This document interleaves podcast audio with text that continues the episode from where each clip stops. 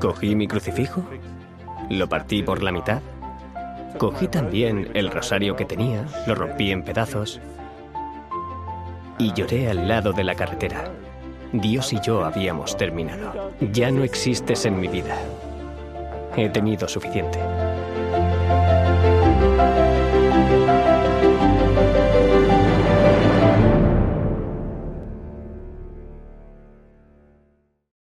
Me llamo Conrad Whitaker. Nací en Inglaterra, de padres católicos. Mi padre era compositor de música para películas y mi madre era artista de miniaturas. Es decir, no era una miniatura, sino que pintaba cuadros en miniatura. Sin embargo, cuando yo tenía cuatro años, mi padre dejó a mi madre y como resultado crecí con mi madre y mi hermano mayor.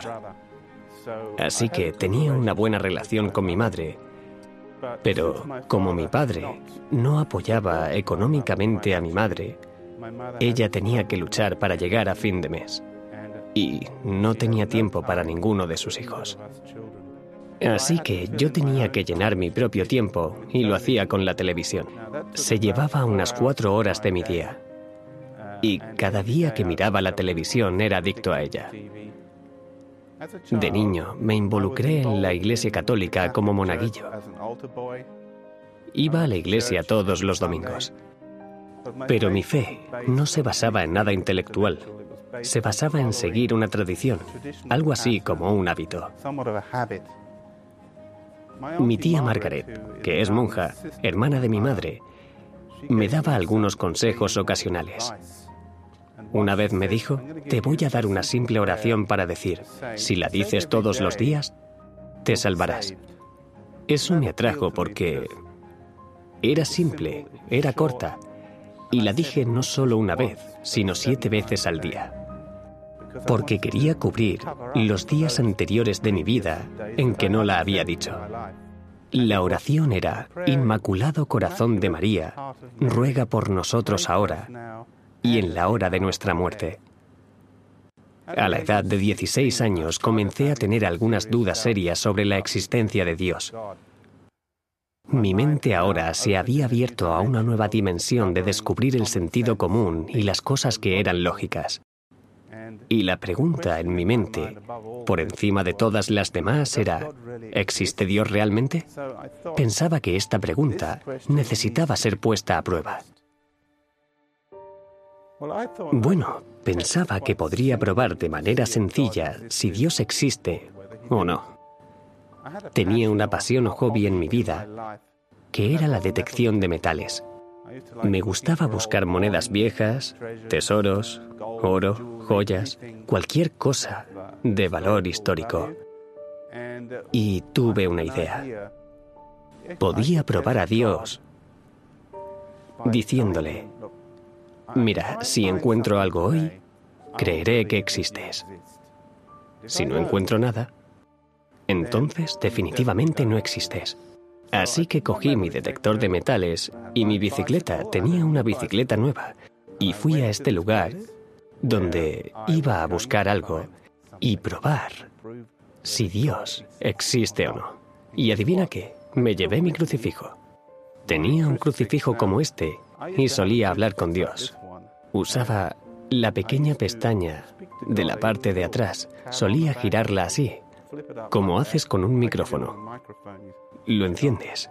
Solía decir, Dios, si no encuentro nada hoy, no hay Dios. Así que me fui en bicicleta con mi detector de metales. Salí en busca de mi tesoro. ¿Y qué encontré?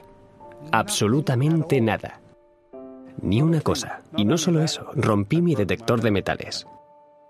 Y de camino a casa, para rematarlo todo, mi nueva bicicleta se rompió. Estaba devastado. Salté de mi bicicleta al lado de la carretera. Cogí mi crucifijo, lo partí por la mitad, cogí también el rosario que tenía, lo rompí en pedazos y lloré al lado de la carretera. Dios y yo habíamos terminado. Ya no existes en mi vida. He tenido suficiente. Unos tres meses más tarde, mi madre me dijo, Hijo, deberías irte de vacaciones tú solo. Ya eres lo bastante mayor. Pensé, sí, mi tío vive en Alemania. Tal vez podría visitarlo. Es el hermano de mi madre. Pasé seis semanas con mi tía y mi tío. Eran adventistas del séptimo día y estuve expuesto a seis semanas de su estilo de vida. Lo que en realidad fue bastante intrigante. Disfrutaba de la cocina vegetariana.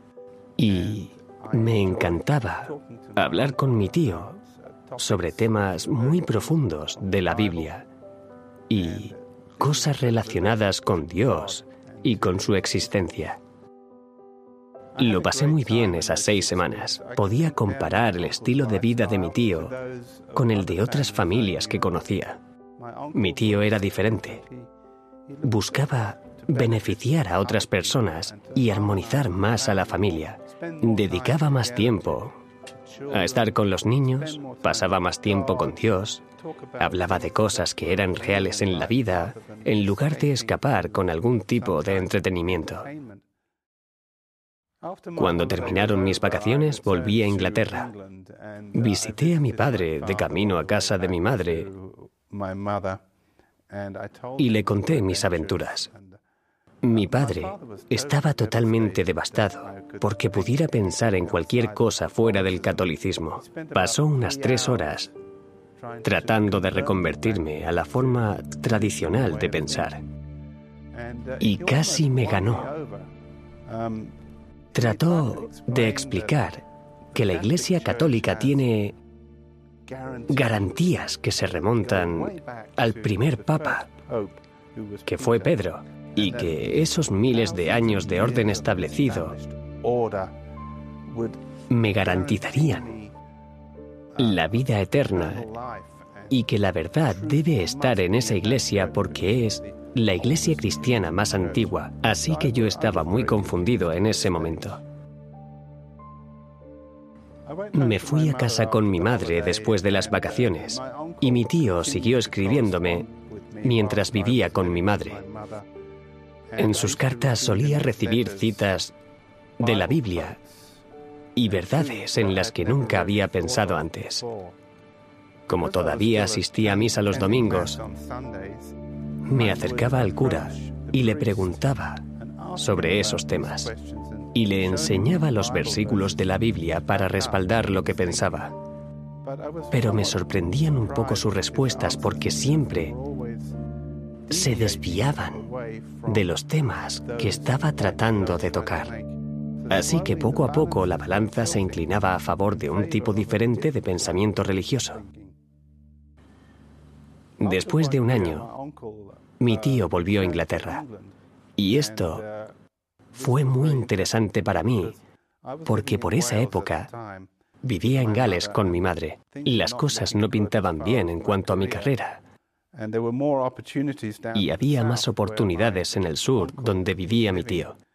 Así que le pregunté si podía ir a vivir con él. Y le pareció una buena idea. Me permitió ir y quedarme con él y vivir en su casa. Ahora estaba seguro de la existencia de Dios, pero aún había mucha confusión.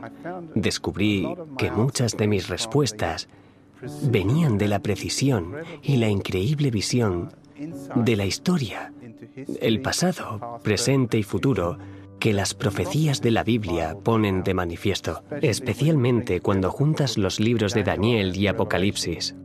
Cuando los unes, se cumplen asombrosamente en la historia de este mundo. De dónde vino, dónde está ahora y hacia dónde se dirigirá. Y esto me mostró que, sin duda, la palabra de Dios es la forma más confiable de averiguar cuál es la verdad.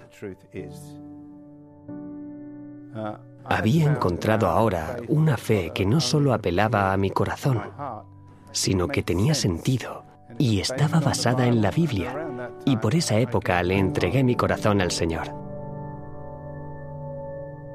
Así que desde la fortaleza de la casa de mi tío, podía proclamar a mis padres y amigos que me había convertido en adventista del séptimo día y había cambiado mi dieta. Todavía era principios de los 80. Sin embargo, al lado de mi padre, había sufrido 10 años de bastante persecución, al menos verbalmente. Debido a mis decisiones, era muy inflexible en tratar de traerme de vuelta a la Iglesia Católica y trataba de hacerme rezar a María. Y yo le contestaba, vale, lo haré, pero tienes que mostrarme en las escrituras dónde dice que debo hacerlo. Y nunca pudo. Por supuesto, eso provocó aún más frustración, pero del lado de mi madre, mi abuelo materno, a pesar de que era católico, y lo fue hasta que murió, dijo, si le va a hacer tanto bien como le hizo a mi hijo John, entonces es algo bueno. Hasta ese momento de mi vida no había leído ningún libro. No era un lector, era disléxico. Y no estaba orgulloso de eso. Así que me obligué a leer al menos un libro para poder tener el reconocimiento de haber leído. Rebelión en la granja de George Orwell. Ese fue el libro que escogí, pero incluso tuve que presionarme a mí mismo para leer ese. Pero un día, cuando estaba en casa de mi tío, llegué a casa del trabajo y me preparé para ir a la cama. Eran como las 10 de la noche. Me fui a la cama y justo al lado de la cama había una estantería. Así que cogí uno de los libros al azar y empecé a leerlo. Era tarde, como las 10 de la noche, y lo siguiente que supe es que eran las 2 de la mañana. De repente me di cuenta de que, por primera vez en mi vida, un libro me había enganchado. Y por supuesto, he estado leyendo libros desde entonces. En 1995 fui a un encuentro de jóvenes en Hungría y allí conocí a una chica llamada Beatriz que se convertiría en mi esposa. También provenía de un entorno secular y había llegado a la fe recientemente a través de un amigo de la escuela que le había invitado a un campamento juvenil. También venía de una familia divorciada y había encontrado en la iglesia la calidez y la amistad que yo había encontrado y que ella también anhelaba. Finalmente nos casamos en 1997 y no fue hasta 2004 que emigramos a Australia. Poco después nació nuestra hija. Tres años después, un hijo. Así que tengo una familia encantadora y una vida plena. Y he experimentado a Dios una y otra vez a través de las dificultades, a través de los problemas. Dios ha triunfado sobre todo. Tengo un sentido de propósito, un sentimiento de pertenencia. Me encanta sumergirme en la investigación, en temas religiosos, y simplificarlos para que la gente pueda entender temas difíciles, pero de una manera muy simple. De vez en cuando sigo saliendo con mi viejo detector de metales y no, aún no he encontrado ese tesoro, pero espiritualmente sí he encontrado el mayor tesoro de todos. Soy un hombre rico.